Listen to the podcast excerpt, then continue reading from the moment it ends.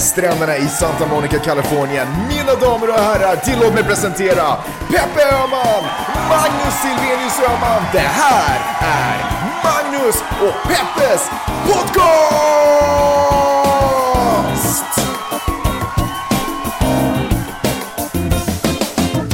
Hallå internet och hjärtligt välkomna till podcasten som heter Magnus och Peppes podcast. Kul att ni är med oss idag denna, ja vad är det hos er? Eller vad är det hos oss? Eh, måndag idag, 19. Så det är säkert kväll där då. Förmodligen där ni befinner er. Det, vi har ju flest lyssningar i Finland, i Sverige, men nog också en del i USA. Mm. Hur känns det Peppe? Det känns väldigt bra Magnus. Known around the world, and I, I, I, I can't seem to find my baby. Här är jag. Där är du. Så du, kollar du in... Äh, vet du, vänta, vänta, vänta, vänta, vänta förresten. Vi ska inte börja prata Emmys, utan vi ska börja prata sponsring, Peppe. Okej. Hör, vi har ju gjort det här gratis, hur känns det för dig? Hur känns det att sprida ut infot gratis till folket? Både bra och dåligt. Jag tycker ju inte att man ska jobba gratis. Jag tycker att har man... Levererar man en bra produkt så borde man ju få betalt för den. Mm. Jag tycker det finns alldeles för många bra människor som jobbar utan arvode, som bara ska vara tacksamma för att de får jobba. Men nu har ju vi liksom hittat på den här arbetsplatsen själva, så vi är ju liksom de egna cheferna, så det är svårt att gå fram till någon och bara hej, sådär. Det, är- nej, det är inget uppdrag Nej, det är ju inget uppdrag precis. Nej. Så på så vis får vi verkligen skylla oss själva. Hur, ty- hur tycker du att vi ska göra med den här podden för att den, eh, alltså jag gör ju den jättegärna oavsett om man får betalt eller inte. Men, men hur känner du? Borde man söka en stor sponsor eller borde man försöka sälja podden någonstans eller hur tänker du för att kunna få in lite kulor? Jag tänker att det finns två sätt. Antingen försöker vi få en sponsor, eller en samarbetspartner som det heter, om man vill låta lite finare. Och det skulle vara superroligt. Men det är fan så jobbigt att ringa runt och försöka få folk att samarbeta med en. Mm. Vilket är lite roligt för för massa, massa år sedan när vi precis hade startat podden så satt vi ganska sturska någonstans i Finland på ett, eh, blev inbjudna att prata om just poddande och sådana saker. Och då sa vi att ha, vi kan nog fixa sponsorer själva. Eh, Det är svårare än man tror. Eller än vad vi ibland trodde. har vi verkligen sponsorer och samarbetspartners. Också sant. Men jag har gjort en sån här grej. Jag tänkte nämligen att eh, jag skulle tycka det vore superroligt, eftersom vi gör det här för er som lyssnar. Så jag skulle tycka det vore superroligt om ni kände i era hjärtan att ni skulle kanske eventuellt vilja vara en del av den här podden. Så på vår Facebook-sida så har jag satt upp tre stycken olika alternativ. Eh, ett alternativ heter guld, ett alternativ heter platina och ett alternativ heter kärlek. Can't buy me love. Och genom Fast att här är det tvärtom. genom att gå in på vår Facebook-sida så kan ni visa er uppmärk eller inte uppmärksamhet, er uppskattning för eh, om ni tycker att det vi gör är ett bra jobb. Så det finns det möjlighet att kanske eh, sponsra oss med 61 cent. Det är ju inte så mycket, Nej. eller hur? Det borde man ju kunna göra tycker jag. Man kan ju i och för sig göra det hur många gånger man vill, men 61, det finns lite olika paket här. Ni kan gå in och titta. Hur, vad tycker du om den lösningen, Peppe?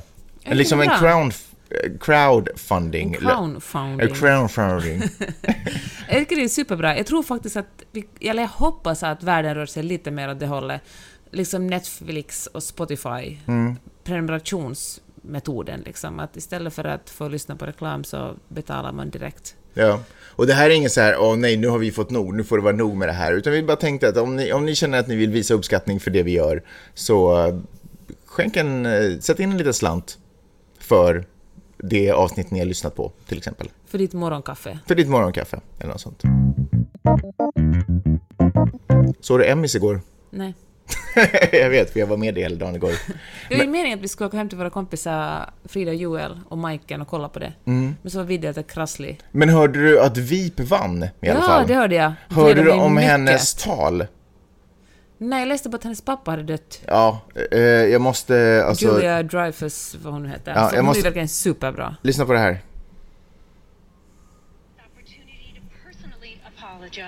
for the current political climate.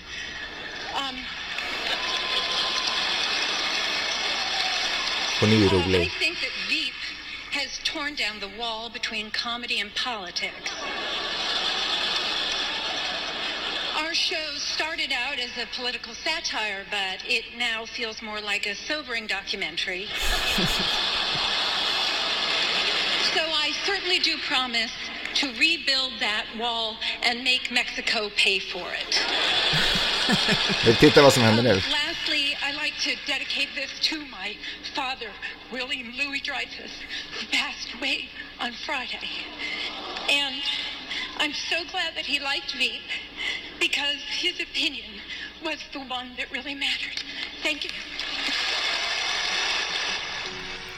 Ah, det är, det är, man får ju gåshud, eller hur? Ja. Det är hemskt när någon är, när någon är sådär öppen. Först, alltså, först är man komiker och andra sekunden så är man sådär... Uh, Hennes na- händer darrar liksom. Och, Ah, så hemskt. men så fint också. Vilket fint. Hon eh, är ju så magisk den här människan. Jag, jag hy- hyllar henne. Alltså jag dyrkar henne. Alltså jag tycker hon är så grym. Jag Komiker. avundas alla som ännu inte sett VIP. Ja, verkligen. Har allting kvar att se. Fast jag tror att det är en sån serie man kan se flera gånger också eftersom det finns för varje, varje replik är ju rolig. Utan att det blir liksom för mycket. Utan man, jag tror det är en sån TV-serie som man liksom hittar... eh, det händer alltid någonting i bakgrunden eller så säger de någonting som har liksom en tredubbel betydelse som är superrolig. Se den serien, det är bara allt, det är allt jag har att säga. Sen så gick det ju jättebra för Game of Thrones. De har ju tagit flest Emmys nu någonsin. Förut var det Frasier! Kan du fatta att tv-serien Frasier var den... Alltså jag, får, jag har sett det där jättemånga gånger, att hur den bara dominerade Emmy-marknaden, eller Emmy-galan liksom. Men Frasier, kom igen! Det är ju det sjukaste jag har hört. Men så där är ju ett tydligt tecken på att humor verkligen åldras.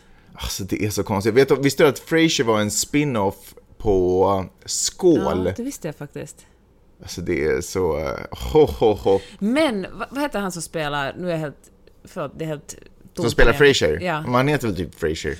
Han gjorde ju en, han spelade borgmästare i en stad som jag inte kommer ihåg, en tv-serie som heter Ja, Boss, ja, som just verkligen det. var jättebra. Som inte var en komediserie? Nej, som är ett drama. Ja, mm. Och som, eh, om man gillar eh, Frank And- han var liksom en, en Frank Underwood, alltså en House of Mm. Cards-karaktär. Så bra! Jag rekommenderar varmt. Jag, vet, jag tror det bara gjordes två eller tre säsonger av den, men jättebra tv-serie.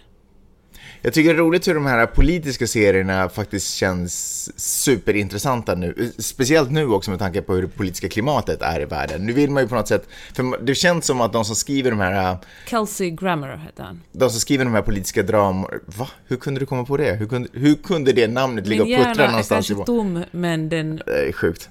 Eh, för det känns som de som skriver manus sitter på så mycket inside info, du vet, som de inte skickar till pressen, som säkert också känner till det, utan de skriver in det i tv-serier. Så det känns som att man får glimtar. tror du inte? Jo, jag nej. tror det, Alltså, Tänk absolut. att du kan älska konspirationer så Nej, men jag otroligt nej, men vadå mycket. konspirationer? Jag tror väl, varför, Att varför det sitter inte? en massa mäktiga typer och på en massa information som de inte läcker ut. Ja, varför skulle det vara konstigt? Men te- folk som ska skriva TV-serier liksom. Ja, men du vet, man hör det, man snappar upp det, sen så snappar upp det ena och det andra, sen så knyter man ihop det till ett litet avsnitt. Jag menar, jag säger inte att allting är fakta, men det känns som att det finns massa glimtar hela tiden om eh, vad som för sig går bakom kulisserna. Som till exempel vad? Nej men jag, jag fan inte, inte vet jag, men eh, mord, mord till exempel. Mord förekommer bakom kulisserna utan att vi vet om. Garanterat. Naken Garanterat, kvinna spolas i land på strand. garanterat har någon president, eh, eller någon sån chief of staff, har beordrat mord på en ung kvinna för att dölja, liksom i en cover-up. Tror inte att det inte har hänt? Det måste ju ha hänt. Jag vet inte. Nja. Du tror inte det? Nej. I Vita husets historia? Alltså att någon någon gång har haft ihjäl en kvinna, det tror jag absolut. det senaste hela decenniet, garanterat, det senaste decenniet har... Ah, okej, vänta. Obama har suttit på åtta av de åren. eh, de senaste två decennierna, tre decennierna, sen, sen 80-talet har det hänt, garanterat. Vem skulle det vara? Ro- Ronald Reagan tänker du kanske? Det behöver inte vara en president, men det var en högt nej, uppsatt politiker. Ja, högst uppsatt Någon politiker. kongressledamot. Ja, nej, jag tror inte nödvändigtvis att pre- president är involverad, men någon sådär på väg upp till toppen, eller du vet, någon som sitter högt upp, någon senator, eller något Har, haft en lönnmördare. Garanterat. Det försiggår så himla mycket fuffens i världen, Peppe. Jag fattar inte varför du vägrar tro. Hur tror du att världen är? Allting redovisas, här är folk ärliga och folk försöker verkligen. Nej, men jag Det är tror... sånt jäkla rävspel Jag- bland alltså, giriga män. Det är ju roligare, livet blir ju roligare om man tror Ro- på konspirationsteorier. Ursäkta, förminska inte min, förminska inte min verklighetssyn här nu. Det är klart som tusan att det pågår en massa skumrask bakom kulisserna. Kan vi tala om att Donald Trump besökte Jimmy Fallon? Ja, vad tycker du om det? Det har tagit mig tre och ett halvt år i USA innan jag verkligen utan att tveka kan se skillnad på Jimmy Kimmel och Jimmy Fallon. Inte se med namnen så det är vem som hör till vem. Ja. Det är fan jävligt förvirrande. Men Jimmy Kimmel var alltså den som hostar Emmys och Jimmy Fallon är den som jag tycker är lite roligare och drar. Vidar har ju en skolbok där man ser eh, ansikte på en, det är liksom två spalter. I ena spalten så ser man ansikten på massa eh, sådär eh, hostar för talkshows. Och på andra spalten så är det namn och så ska man dra ett streck mellan dem så att man Nej, är lär sig. sant? Nej men herregud Peppe, jag skojar ju bara. Men det skulle vara roligt Jag om det ska ha fanns. gått på det. Så att barnen på riktigt lär sig vem som hör till vad. Conan och Brian, Kimmy, Jimmy Kimmel. Men när jag gick på USC, så för jag, jag tror inte jag någonsin hade en föreläsare som inte skulle ha använt en TV-serie eller en, eller en, en film som referens Mm. för verkliga livet. Alltså Hollywood är så närvarande i allt som sker i den här stan. Ja. Men okej. Apropå, ja förlåt, ja fortsätt. Nej, nej, säg då. Nej men för det, det går tillbaka till konspirationsteorier. Nå, men ta det då. Nej, för att jag såg, eh, bara som ett exempel, jag såg en eh, på Netflix, den, het, den råkar faktiskt heta Conspiracy, det är konstigt, men i alla fall. Eh, och den handlar just om, eh, den handlar, det är massa olika avsnitt, men ett avsnitt var till exempel som jag somnade till igår, som handlar om eh, skumraskaffärer som har skett i Hollywood. Eh, och det var ett mord på en kvinna som kallades typ för så här, The Black Orchid eller något sånt. En ung flicka som kom från landet ingenstans ungefär och skulle komma till, till Hollywood och bli stjärna, otroligt vacker och sådär. Och börja, börja s- ha relationer med massa kända, eller personligheter inom, inom liksom Hollywood och. Så helt plötsligt så hittas hon död, egentligen faktiskt styckad, eller så här, uppdelad i två på en gräsmatta utanför ett hus någonstans i något fint område. det styckar i två delar? Ja, delad i två. En kirurgisk delad i två. Eh, på mitten liksom. Och, eh, Det är ju bron. och, och det, vad heter det, och det mordet har liksom aldrig egentligen uppdagats, men riktigt starka misstankar har riktats mot en läkare som eh, gjorde, det var ju förbjudet att eh, abort, göra abort. Men den här läkaren hjälpte de rika och de kända med, du vet när det var på väg att bli någon skandal så styrde de bara jag fixar det här, jag gör den här aborten åt dig och sen så du vet, och så blev han naturligtvis super, super rik på det här. Eh, och han tog också hand om du vet, folks eh, eh, könssjukdomar, när de hade haft färre och sådär så kunde han bara, ja men jag fixar det här så att det kommer aldrig komma upp. Så han hade ju, han satt ju mitt i smeten. Och de tror att han var den som dödade den här kvinnan. Eh, men han kunde inte åka fast därför han var för connected därför att poliser har också tagit dit eh, sina och sina älskarinnor för att bli eh, kvitt könssjukdomar. Bara en sån sak. Alltså jag tror på På att, det är korruption. på att det är möjligt att, ja men korruption är ju väl, det är väl inte det är det inte det som skapar konspirationsteorier? Jag tror att den, eh, den mest sanna konspirationsteorin är hur mycket Netflix vet om dig. ja, det är sant. Okej, Donald Trump gästar ju Jimmy Fallon. Yes. Som är alltså han som gör de där superroliga lipsynkarna, bland annat, och har en massa andra roliga lekar på sin show. Och han är liksom... Han, är alltid, han är alltid på gott humör. Ja, han det är busar och, och leker. Och liksom. Han busar. Nej, men han, han, han är liksom lite på ett gulligt sätt. Liksom. Ja, alla lite pojkig. Åh, ja, Ja. verkligen. Och eh, alla älskar Sådär som honom. jag, så som man, så Ja, som men man minns mig. Precis. och, eh, men nu hade han bjudit in eh, Donald Trump, Ja. vilket jag bara inte fattar. Det var någon som sa att man kan kanske gjorde det för att NBC, där hans late night show sänds på, krävde det, men jag har svårt att tro det. Liksom. Det är ju för det första inte Mm, Varför är det svårt att tro det? För att eh, Jimmy Fallon är, har, måste ju ha så otroligt mycket makt just för att han är en sån guldgosse för att alla älskar honom. Så jag tror att om han skulle ha en egen vilja sagt att nej, jag kan inte fan intervjua Donald Trump. Det är liksom, jag vägrar att vara en delaktig i att, han kan, att den här personen kanske blir president för USA. Då skulle nog NBC ha varit tvungen att böja sig. Mm. Jimmy Fallon skojade ju väldigt mycket om att vem vi alla ska... Den första som vi slänger över muren om Donald Trump kommer till makten och bygger en mur är den där snubben som skapade, nu kommer jag inte ihåg namnet, han nämnde givetvis honom i namn för han satt i publiken, men han som har skapat uh, The Apprentice-showen. ja, det där. Mm. för vi skulle inte ha Donald Trump på den positionen om det inte var på grund av den där jäkla tv-serien.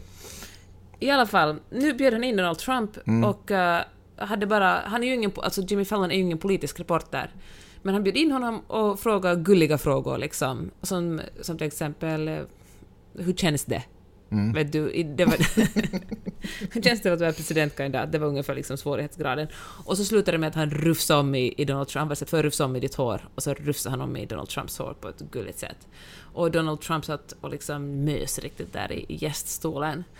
Och uh, Twitter gick ju liksom bärsärkargång efter det här. Eftersom, och det gjorde jag också i mitt inre, för jag tycker, det, jag tycker det är så chockerande. Hur kan de bjuda in honom och liksom humanisera en sån här rasist? Det liksom finns inte... Jag tänker att hur, de andra med, hur seriösa medier har liksom reagerat på Donald Trump. Jag menar, Washington, eh, Washington Post hade ju på ledarsidan en, en lång text om hur eh, de i vanliga fall när det kommer till politiska val verkligen är liksom objektiva och försöker ge liksom båda, alla kandidater lika mycket utrymme. Men eftersom Donald Trump är en sån rasist och en så okunnig person så måste de ta ett, ett, ett officiellt ställningstagande och säga vi snälla rösta inte på den här Men personen. kan man inte göra skillnad på, om jag är lite djävulens advokat, kan man inte göra skillnad på Trump, eh, presidentkandidaten, Trump-personen? Hur då? För hela det här presidentkandidaten Men handlar man ju är bara ju om inte alltid känslor. sitt jobb. Ja, men det är man om man ställer upp som presidentkandidat. Och det har ju Trump också gjort. Alltså båda presidentkandidaterna spelar ju väldigt mycket på vilken sorts personer de är. Och hela det här presidentvalet handlar ju noll om fakta utan, och bara om känslor. Det handlar ju bara liksom ingen, ingen bryr sig om fakta. Eller man slänger ut lite fakta som man... Sådär som det här vi talade om flera gånger tidigare också i den här podcasten. Men Donald Trump sa att, att brottsligheten aldrig varit så hög som nu i USA. Vilket ju mot, fakta bevisar motsatsen. Det går liksom... Men om man bara säger någonting för att... eh, Det känns så. Ja, det, det känns känns trovärdigt för att det går massa kriminaldrama på TV. mm, men precis. Och, eh, och det roliga liksom... Och det rapporteras en hel del om det i nyheterna också för den delen. Och folk var ju liksom superroliga på Twitter också och jämförde liksom om Jimmy Fallon skulle haft liksom Hitler. Ju, man ska ju inte alltid dra Hitler-kortet. Nej. Men, eh, men eh, om man skulle, han skulle ha haft Hitler som gäst och varit sådär Hitler, berätta om din bok. Eller Hitler, vad du så med din mustasch. Jag menar, det är liksom...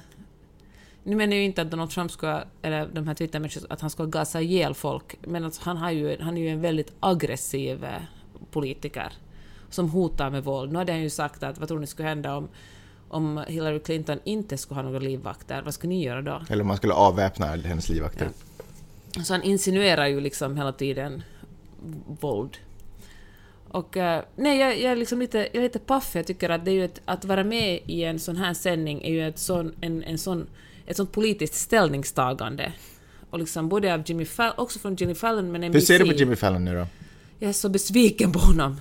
Så Men vad, är, är, han, är han död för dig eller Han är död det? i mina ögon. Är det så? Ja. Han fuckade upp allting. Det var, han hade, Om, om, Hillary, om eh, Hillary Clinton hade suttit där då? Men jag tror att han har bjudit in henne faktiskt.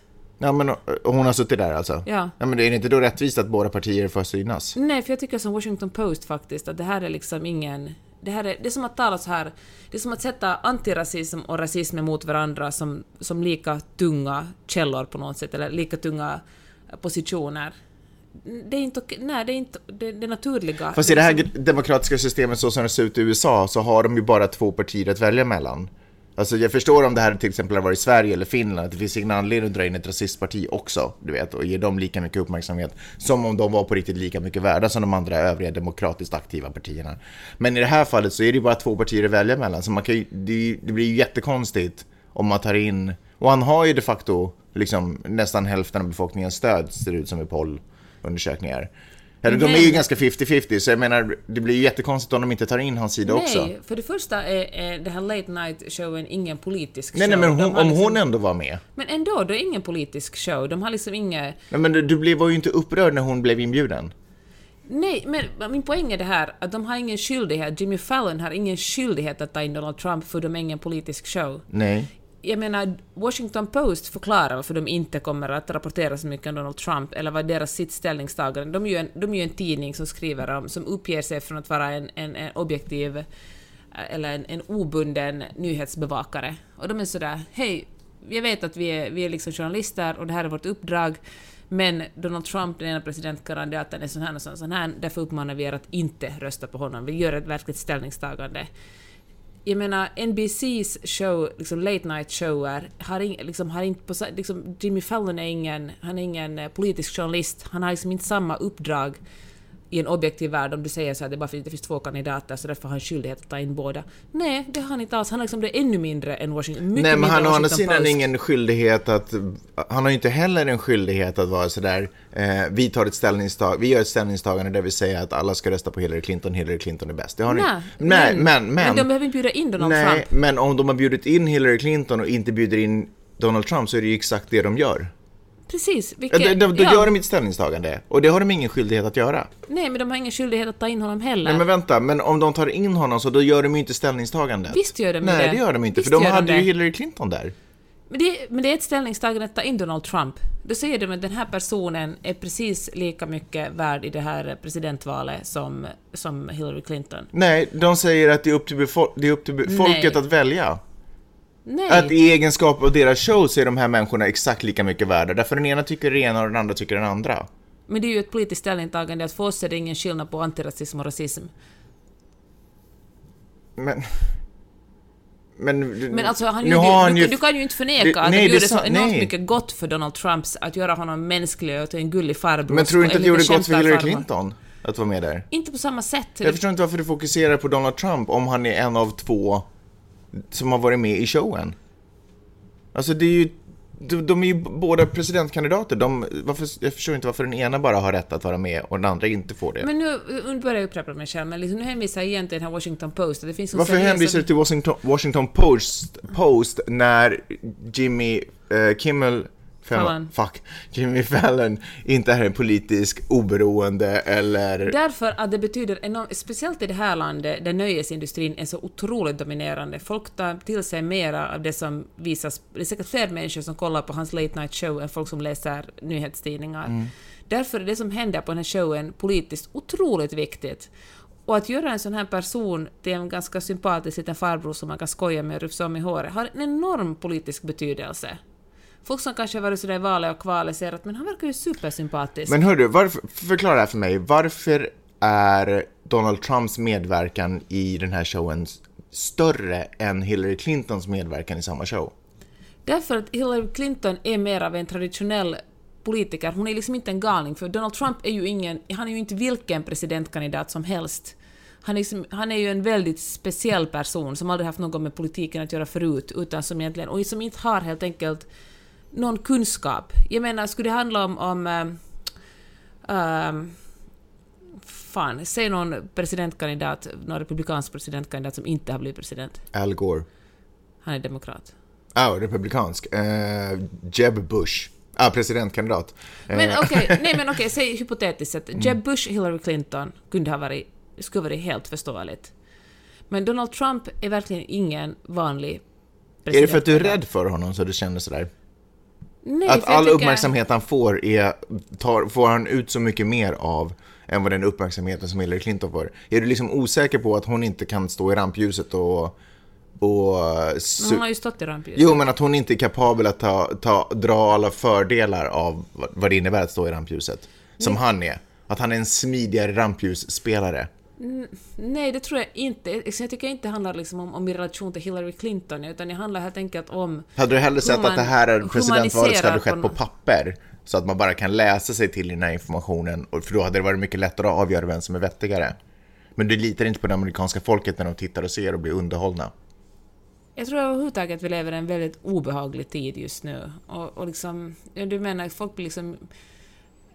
Folk vet, jag säger inte att, alltså det finns ju, det finns kanske för mycket information och folk har, folk liksom har gått för Det här fort. säger man finns- ofta, Hur- vad betyder det? Det kan ju omöjligt finnas för mycket information. Jag tror att folk har svår, jag tror att det är jättemånga människor som faktiskt inte förstår skillnaden mellan en, till exempel en ledartext och en nyhetsartikel. Eller ett, ett eh, känt program och en nyhetsartikel och en ledartext. Folk, ser inte, folk tror att en, en, en krönika är samma sak som en nyhetsartikel.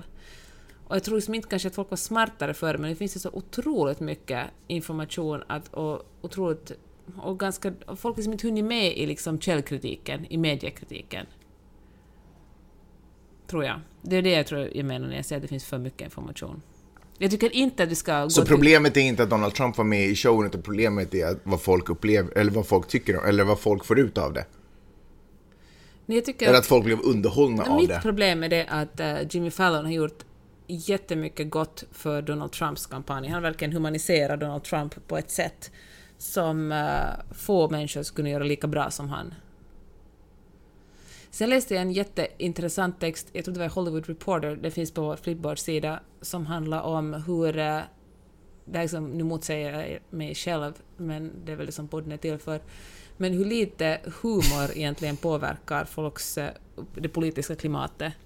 Man brukar säga liksom att att humor är liksom någonting som... Eh, det är liksom en, en makt på något sätt, man kan, man kan skratta åt någonting, men så hade för att dra in Hitler igen, men det var någon som hade, hade en forskare som hade jämfört med liksom satiren som eh, föregick eh, när Hitler blev vald. I början skrattade man tydligen åt honom jättemycket också, tyckte att han var en tönt. Och, och liksom... Och gjorde, gjorde narr av honom.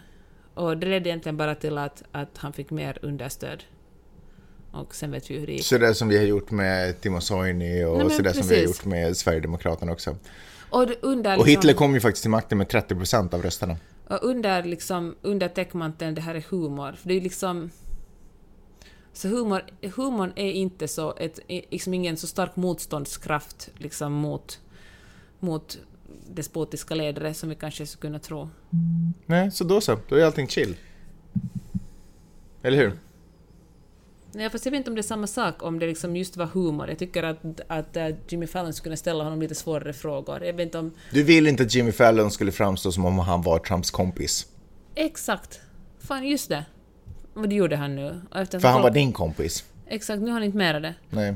Men jag tror att många känner som jag, förutom det sista, många känner att, att om, om Jimmy Fallon är deras kompis, för han är ju liksom folks lillebror och kompis, den där busiga, om han, om han kan skoja sådär med Donald Trump, då måste Donald Trump vara en god kunde. Hur ska man göra om man eh, helt plötsligt märker att en... Eh, du vet att man kan ju vara olika personer med olika människor. Liksom. Man kan ha en vänskapsrelation med en person och sen en annan, liksom, inte, inte på något sätt rangordnat, men en annan form av vänskap. Man skojar om andra saker. Man kan skoja med sport med en person och så skojar man om fan någonting annat med en annan person. Eh, politik. Eh, men, du om dig själv nu? Ja. Ena dagen sportskojare, men, andra dagen politikskojare. Men hur gör man om man märker att den här personen som man har haft liksom någon form av en sorts relation med helt plötsligt också har rasist, rasistiska vänner? Förändras inte allting då? Då, har ju, då berättar ju helt plötsligt min vän för mig genom sitt handlande att den inte har omdöme också. Mm. Och det blir ju jättesvårt att hantera. Ska man göra slut med sin polare då? Bara ledsen, det, du får välja dina rasistkompisar. Eller, eller ska man ta, sätta sig ner och ta ett snack om vad rasism är? Eller vad gör man? Man kan ju kanske fråga den. Du vet väl att de är rasister va? Ja, vad tycker du om det? Mm. Och då kommer den att säga nej, de är ju bara liksom rasister light. Mm. Eller ja, men de, är, de har lite sådär, men vi, vi försöker mest fokusera på ja. bakning. Ja, För det... av vitt bröd. Av vitt bröd, observera. Ja, men det är svårt, för jag tänker att du, du verkar vara lite i den relationen med Jimmy Fallon nu. Kimmel, Fallon. Fuck! Yes. Fuck! Det är svårt det där. Är det Kimmel som, eh, som var programledare ja. för Emmys? Ja. Mm. Bra, väldigt. Uh, jag skickade ett hemskt mail uh, för, det var väl knappt en vecka sedan. Vadå, utan att berätta det för mig? Vadå? Att du har skickat hemskt mail. Ja, Eh, jag ska ta fram det här, ska vi se. Nu ska vi se. Det gick till en, nej jag behöver inte säga vad hon heter, men så här är det. Jag har, jag har varit i kontakt med ett företag. Eh, för att jag liksom delar kund med dem, kan man säga. Det har med poddarna att göra. Och eh, en av de här eh, som jobbar på det här företaget, när hon skriver mail så, eh, så skriver hon alltid, alltså de, hon blandar alltid ihop eh, dom-formen, alltså de och dem. Hon, eller hon blandar inte ihop dem, hon kör helt, helt iskallt kör hon bara DEM. Konsekvent. På, konsekvent, på, på allt, allt, allt, allt, allt, allt, där det borde vara liksom Ja, hon läser förmodligen dom och så skriver hon dem, så stavar hon det dem. Eh, och du vet, när det här händer en gång, det är fine. Liksom. Och två gånger, vad ska jag göra? Det är liksom, hon, är, hon är inte del av min kund och jag, behöver, jag vill ju ändå ha en bra relation ändå. Eller jag menar, de är, vi, som jag sa, vi delar samma kund och jag vill ha bra relation med det här företaget och för de kanske eventuellt ger mig andra kunder. Men, eh, men sen så, eh, alltså jag, när, när jag, efter att jag hade skickat några filer till henne och frågat henne i mejlet sådär, eh, förlåt, eh, känns de här bra nu då, den här versionen? Och hon skriver eh, så här, Dem nya är så bra. Kanske hon bara mindfuckar Tusen tack. Eh, då, eh, då kunde jag inte längre. Då exploderar din hjärna. Nej men, det, alltså, men jag, Vad kallar du mig besserwisser? men lyssna, så jag skrev ett mejl till henne. Så här lyder det. Nej, jag får kalla kårar. Du kommer aldrig mer jobba med dem. Förlåt mig för detta mejl, börjar jag. Eh, det är så fruktansvärt att jag skriver detta. Tro mig, egentligen är jag snäll och trevlig. Men jag är också journalist och därför verkar det ohyggligt i mitt språkhjärta då du alltid skriver dem istället för det. Jag vet att grammatiken är svår. Jag fattar. Därför ska du få ett tips. Använd stavningen dom, D-O-M, istället. Det är inte så fel. Men att ständigt Det är skriva... inte så fel. Men att ständigt skriva dem när det ibland ska vara det blir för mycket för mig. Alltså, förlåt, jag är tydligen en hemsk person. Hoppas du har en underbar dag, Magnus. Svara hon på det här? Ja, det gjorde hon faktiskt. Här kommer svaret. Först en massa ha ha ha ha ha. Det kändes skönt att läsa. Tack Magnus. Jag absolut älskar människor som rättar när det blir fel. Jag är likadan. Jag är egentligen ganska noga med språk, men ibland blir det fel. Fler, felet du påpekar är ett av mina vanligaste när det, när det ibland går lite för fort i, i mejlskrivandet. Du är ingen hemsk person. Tack för roligt mejl. Jag hade sån ångest när jag skrev. Hon var liksom projektledare där, eller så här project manager. Alltså det var... Det var så hemskt, det var så skönt att få det där mejlet tillbaka. Jag förstår inte, alltså det blev för mycket för mig. Vet du vad jag tror det beror på? Nej. Att folk som använder dem, det är vanligt sånt man läser i Facebooks kommentarsfält när folk Ja. försvarar rasism eller anti, antifeminism. Ja. Det är såna människor som använder dem. Men alltså grejen är att jag, när, när hon hade skrivit, när jag, när jag liksom stod på brinken att bara, jag måste göra någonting. Jag Jag kommer ihåg att du talade om det här, men jag trodde faktiskt aldrig du skulle agera på det. Ja, vad heter det? Så eh, jag måste till och med bara, nej men alltså är jag dum i huvudet? Jag måste, alltså, jag måste gå och göra flera olika test på nätet som kontrollerar om jag vet skillnaden på det och dem. Eh, och sen efter att jag klarat dem bara, okej, jag är ganska säker på min sak. Så, sen skrev jag mejlet. men alltså, det var så jobbigt. Jag lärde mig en ny grej faktiskt när det kommer till det. Jag har nog haft den där det och dem. eh, Jag har aldrig vetat de grammatiska reglerna, jag tror att den bara finns ganska intuitivt. Eh, Men jag har lärt mig ett eh, knep när det kommer till det och dem. Därför att det motsvarar samma form som jag och dem motsvarar samma form som mig.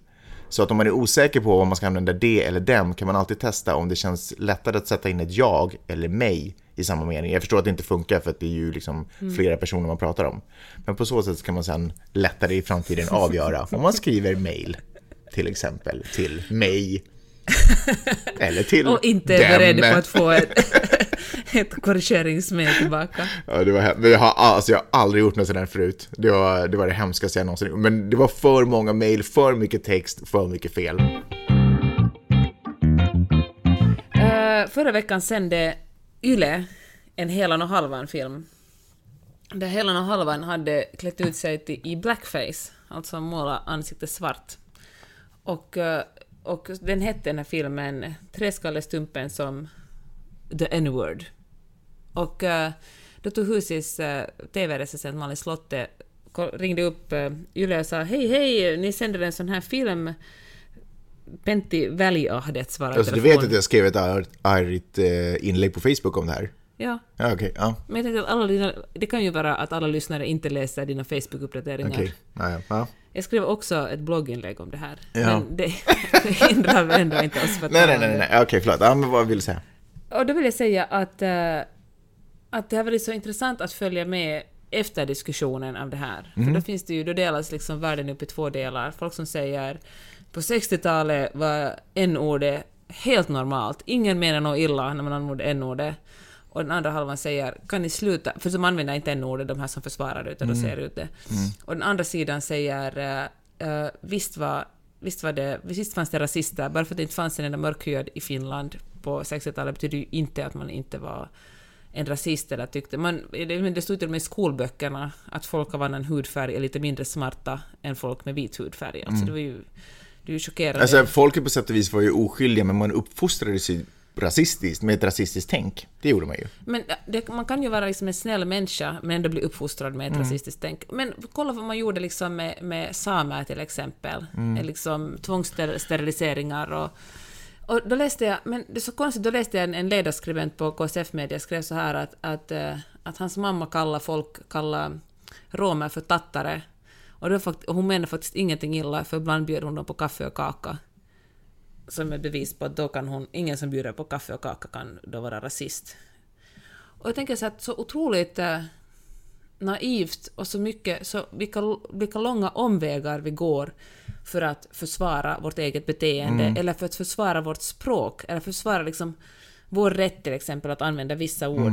Tänk, Han kunde lika väl ha skrivit eh, den där eh, texten. Alltså det var Jan-Erik Andelin, vi skulle säga Ja. namn i den här podcasten. Så Jan-Erik hade lika väl kunna skriva den där texten med sådär, ja min eh, mamma försökte vara öppen gentemot människor och bjöd, och bjöd alla sorters människor hem på kaffet. Men ändå så kallar hon folk för tattare. Tänk att man ändå kallar folk för det där T-ordet. Eh, ja, men du vet att man, man, man behöver inte liksom, eh, man ska alltid, precis som du sa, vilka omvägar man går för att inte behöva ändra sitt eget beteende. Att bara för att man har gjort någonting, bara för att man är en god människa, betyder det inte nödvändigtvis att man inte gör saker och ting fel också. Men alltså vi lever ju, alla vi är ju, alltså det är svårt att inte vara rasist, trots att man kanske inte går ut på gatan och demonstrerar med liksom eh, white power, så är vi, var, alla, vi är ju alla vardagsrasister i det sättet vi är uppfostrade i den här kulturen. Alltså USA som talar om, om, eh, om, liksom, om rasism på ett annat, helt annat sätt och har kommit mycket längre tycker jag i diskussionen än, än, än Norden till exempel, är ett extremt rasistiskt land eftersom det sitter så djupt inne i strukturerna. Men då tycker jag att man måste kanske... vet jag vill Absolut, jag jag måste som sagt ändå poängtera, för jag kan inte slå mig för bröstet på något sätt här, för liksom jag är också en del av den här rasistiska strukturen. Men jag tycker att man måste vara lite ödmjuk, och istället för att förklara varför det är ens personliga rätt att använda vissa ord, eller varför ens eh, mammor och pappor inte var rasistiska på 60-talet för att de var faktiskt snälla också, borde man kanske vara lite mer ödmjuk och vara sådär att ja, fan, vi vet, idag vet vi bättre, på den tiden visste vi inte så mycket, vi trodde det var rätt, men vi gjorde fel ändå. Det är liksom... eh, Så svårare än så är det inte. Sen tycker jag också det är problematiskt, för att jag tror att jag aldrig har läst det här n-ordet så ofta som under den senaste veckan i, i tidningar och, och liksom Facebook-diskussioner. Och jag tycker att ju, ju fler gånger man upprepar det, desto mer på något sätt avdramatiserar och normaliserar man det. Så att... eh, Och jag tänker att folk som verkligen är av annan hudfärg måste tycka det är så otroligt obehagligt att det sitter en massa människor och slänger ut n-ordet i olika diskussioner och förklarar vad man ska tycka. Jag har inte har ju heller något tolkningsföreträde här, för jag är liksom vit som snö. Men att sitta och förklara liksom vad som är rasism, vad som inte är rasism, istället för att bjuda in någon som verkligen dagligen upplever rasismen. Det är faktiskt intressant det där, för, att, för det var faktiskt inte hemskt länge sedan i den här podden som jag eh, använde en ordet ganska fritt och tyckte mig ha rätt att göra det då jag citerar andra människor. Eh, men så var det folk som hörde av sig eh, och sa att det är faktiskt ganska sårande att, att det hela tiden sägs och även fast de förstår sammanhanget så är det ändå sårande att hela tiden behöva det där. Eh, så även fast, liksom, även fast jag känner liksom, hur präktig jag än var och, och proklamera min syn på saker och ting så finns det alltid anledning att liksom rannsaka sig själv, lyssna på vad andra människor har att säga eh, som har tolkningsföreträde, eh, vilket egentligen är alla, utom jag i det här fallet. Eh, och försöka förändra sig, försöka förbättra sig själv hela tiden. Jag tror att det, att, att att säga att man inte är rasist, det är, liksom, det är inte så vi ska tänka, för då blir det på något sätt eh, jag ska inte säga att, att vara rasist är då det liksom normala, men det man ska försöka sträva är att vara antirasist. Man ska liksom, det är inte det att man inte ska vara rasist, man ska vara emot rasism. Aktivt emot rasism.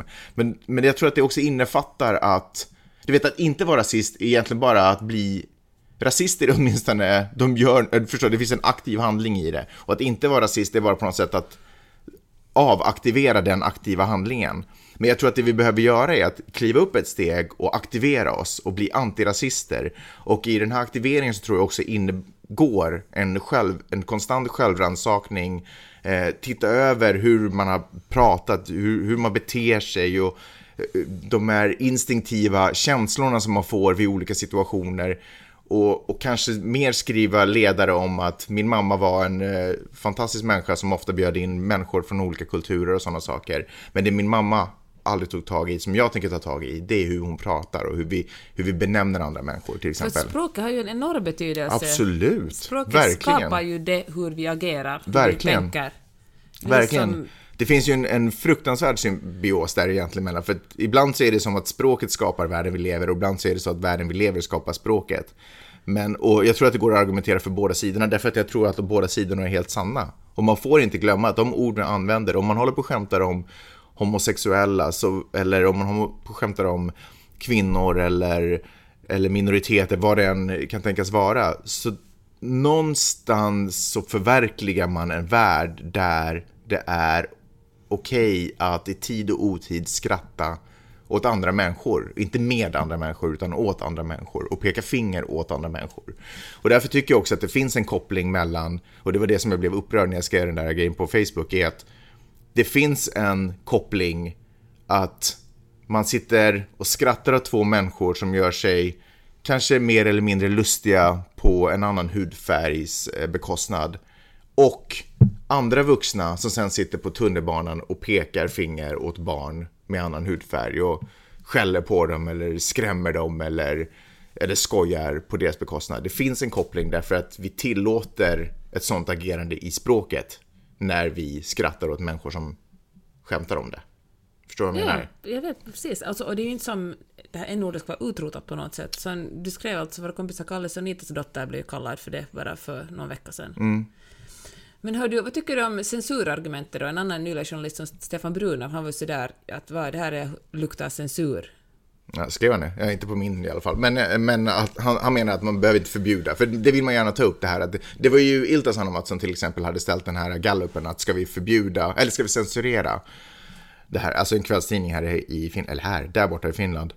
Eh, och Ja, det, men alltså det där, är- här tycker jag igen att här är ju journalister som skjuter sig själva i huvudet. Liksom. För man vill ha effektiva och kraftfulla slagord och det finns ju ingen, det är ju få saker som låter så kraftfullt och som väcker så mycket motreaktion som censur i ett samhälle som vi betraktar som fritt. Eh, så det är klart att man, man kommer ju aldrig få ett ja på att borde vi införa censur. Såklart. Samtidigt Eller borde vi, okej, borde vi förbjuda? Men liksom, Ja. det är ju samma sak. Borde, vad är det för skillnad på att säga borde vi förbjuda n-ordet eller borde vi censurera det? Eller ska vi censurera gamla filmer? Det är ju- Gamla filmer, ja. Men samtidigt som de här människorna kan ha väldigt starka åsikter när det kommer till liksom deras rätt att få, titta, få ägna sig åt fördomsfull verksamhet, vilken den kan vara, titta på film eller du vet ha vad det är. Så tycker ju samma människor förstås att det inte är okej att man visar våld för barn, kanske i en viss ålder. Att det finns ju nog förstås, det finns ju gränser i samhället, har ju de här ändå människorna. Men det är på något sätt, de vill bara ha kontroll. De vill ju inte att gränsen ska ligga så att den börjar påverka deras eget beteende därför de inte vill ägna sig åt en aktiv handling. De kan nog, liksom, de kanske inte är rasister, de kallas inte rasister därför att de inte upplever att de går omkring på gator och torg med plakat och nazisymboler på händerna. Utan de kallar sig själva kanske för inte rasister, vilket inte betyder någonting egentligen. Därför att de ägnar sig inte åt någon aktiv handling. De kan inte ens tänka sig eh, ett beslut som skulle få dem att behöva tänka, som skulle tvinga dem att lite börja tänka till när de pratar med andra människor eller när de pratar om andra människor. Så, eh, alltså jag tycker det är, är så ledsamt egentligen faktiskt. Jag tycker det är fruktansvärt ledsamt. Så det är exakt samma diskussion som man hade för några år sedan i Sverige när Rabén och Sjögren gav ut Pippi Långstrump och Pippis pappa blev Söderhavskung. Mm. Nu kommer jag inte ihåg det, hans exakta titel. Och folk var sådär censur, ni förstör vår barndom för, ni, för att Pippis pappa skulle vara en annan sorts kung. Mm. Och eh, så förklarade Rabén och Sjögren nej, så här ju, vi valde att, att eh, vi tänker annorlunda nu, vi vet bättre nu. Och, eh, och eh, Astrid Lindgren, som själv tydligen hade rest runt i den amerikanska södern och fått ett uppvaknande efter att hon hade skrivit just de här Pippi-böckerna. Hon hade ju själv också fördömt det och sagt att jag tänkte fel. Och det är väl okej att man tänkte fel. Det betyder inte att man bara liksom, att man, att man inte tänkte rasistiskt, men man tänkte fel. Nu, har vi, nu är vi smartare, nu vet vi bättre. Mm. Men de här människorna är så otroligt rädda för att, göra, att förändras. Det är så otroligt, det, det, är, liksom, det är som att alla, alla, alla människor på något sätt på de där platserna har, upplever sig ha en födslorätt att få vara de de Men är. det är just det, men de har ju det, alltså de är ju det. Det handlar ju om folk som aldrig, om man är väldigt privilegierad och aldrig själv ut- utsatts för förtryck, tror jag att man har svårt att fatta det förtrycket. Mm. Förstås. Och då känns minsta lilla inskränkning på sina egna rättigheter, om det är något så litet som ett ord, Mm. känns som världens största grej. Som, som, och då tänker man ju bara på sig själv, det är ju en otroligt egoistisk reak- reak- reaktion. Istället för att tänka på människor som dagligen utsätts för förtryck och hur det här ordet är liksom delaktig i förtrycket Mm. av dem, utan tänka bara på sitt eget, hur otroligt uh, syndiga män som ska vara, måste Ingen tvingar ju en att sluta ord. Det finns ju ingen lag som säger att man inte får använda det. Men Nej. att visa så pass mycket respekt för andra människor att man väljer att inte använda det. Men som svar på din fråga, ska man förbjuda att visa en sån här film? Nej, jag tycker kanske inte man behöver förbjuda att visa film. Man kan göra vissa justeringar, eh, till exempel ändra titeln till, ett, eh, mer, till en mer mm, inkluderande eh, form av det. Eh, och sen så tycker jag också att det kan antingen föregås eller... Tänk på Patkas, äh, hela och halvan som blackface. Ja, va? Att det skulle vara... Det skulle ju beskriva den. Ja, men... Eh, och sen liksom inkludera, eller, eh, föra, eller eh, sätta det i ett sammanhang helt enkelt. Alltså liksom att på något sätt föregå filmen med en, ett samtal, eh, du vet, eller eftergå det eller vad det heter. Att man efter har någon form av diskussion och debatt om hur det Där man såg bjuder ut. in andra än kritvita personer att diskutera Ja, rasism. till exempel. Men, men också bara hallåan innan skulle kunna ha sagt några ord om det, om det nu fanns en hallå. Jag vet inte. Jag förstår vad jag menar. Ja. Det är inte helt ovanligt att man har en person innan som introducerar en film och berättar den här filmen kommer härifrån. Vare sig det, du vet, det är Blade Runner eller någonting annat. Så det är inte konstigt att en, folk ger en, en människa ger en introduktion till en film. Och det behövs tydligen, för det är ju inte någonting som bara är en relik från 60-talet. Jag kommer ihåg i vintras när vi hälsade på i Finland var det ju ett nyproducerat humorprogram. Där Mm, men huvudpersonen exakt, absolut. målar sig brun i Ja. ansiktet och låtsades komma från Indien och var Absolut. lite dum i huvudet, alla konstigt. Liksom. Absolut. Ja, ja men precis. Det här, exakt. Eh, precis. Just med det i åtanke. Därför att annars så tror man ju att den här filmen från 60-talet är, jaha, nu är det bara det här som vi visar. Alltså det, om man inte sätter, om, man, om Yle inte förklarar i vilket sammanhang den här filmen kommer, för eftersom det finns så mycket annat utbud som tyder på att det här är ett helt normalt utbud, så tror jag det är jätteviktigt att man ju som Yle, public fucking service, tar ett, liksom, fan heter det, take a stand och att man liksom eh, visar att vi inte delar det här, vi visar den här filmen därför att det är jag vet inte, en fucking kulturarv eller någonting annat. Men så här såg det ut på den tiden och det här är fruktansvärt. Det här är inte någonting som vi står för idag eller en bild vi vill ge av andra människor idag. Det kan inte vara så svårt. Ska vi tala om eh, det amerikanska fängelseväsendet nästa vecka? Amerikanska fängelser, vad har du för erfarenhet av det? Inte så mycket, men jag kommer ihåg att vi tar, det var någon föreläsare som talade mycket om det på USC. Och då kommer jag ihåg att USA är en av de få länder i världen där man sätter barn i fängelse. Och det är ju ett system, ett otroligt lukrativt system. Så till exempel eh, eh, telefon, det är ju ganska dyrt med internettelefon här, men ska man ringa ut och in, från ett fängelse ut så har liksom fängelserna speciella deals med, eh, med telefonbolag, så det kan kosta 15 dollar bara att ringa ett kort samtal ut från till, någon, till sin advokat till exempel. Och tydligen så får också det här eh, eh, området, alltså county eller staden där det här fängelset finns, får liksom en hacka av telefonbolaget för liksom en, de får provision på den här, de här avgifterna. Så de har liksom inget intresse på att ändra på det. Ja, intressant. Hur otroligt mycket... Hur har du snubblat in i den där kunskapen? Men det var någon som talade om Det var någon på som försökte USC. nå mig per telefon här nyss. ja. Så blev jag Det var en nyfiken. collect call, så Ja. Men, eh, men så läste jag bara en, en superintressant artikel om det som också finns på Flipboard, men jag tänkte att det är ju... Fan, det här... Kapitalismen har liksom ingen ände i det här landet, eller någon annanstans antar jag. Hörni, Och sen har vi ju tittat på en massa filmer som handlar om hur, hur, hur som du säger får vi vår information från filmer, men The Night Of som är en superbra TV-serie handlar ju om hur otroligt vidrigt fängelse, eller liksom hur det, hur man blir, om man inte är brottsling när man hamnar i fängelse så blir man det där. Och samma sak i den här nya... den här men net- ingenting manusförfattare skriver är ju baserat på sanning utan det är ju bara fiktion Hittepå. och hittepå alltihopa. Vi får ju inga inblickar av i någonting hur det egentligen kan se ut. det, det var inte det jag sa, jag tror TV-serierna visst speglar verkligheten, men jag tror kanske inte att de är dokumentärer alltid, förutom när de är dokumentärer. Hörni, kära vänner. tack så hemskt mycket för att ni har lyssnat den här veckan. Om ni tycker om det ni hörde, eh, eller tycker om det ni har hört, eller vill höra fler, vi kommer inte sluta oavsett, men det, spegla, den, spegla den verkligheten genom att gå in på vår Facebook-sida och eh, betala för ett av avsnitten. Det finns olika paket man kan välja. Man kan välja ett paket flera gånger, eller jag vet inte vad motsvar, eller motsatsen till det är. Skitsamma. Eh, stöd oss gärna. Det vore fantastiskt roligt att, att se om det fungerar, om det kunde vara ett sätt. Och eh, tack för att ni har lyssnat och vi hörs väl nästa vecka. Det är vi, det är vi alltid, Magnus. Det gör vi alltid. Puss och kram! Hej! Hej!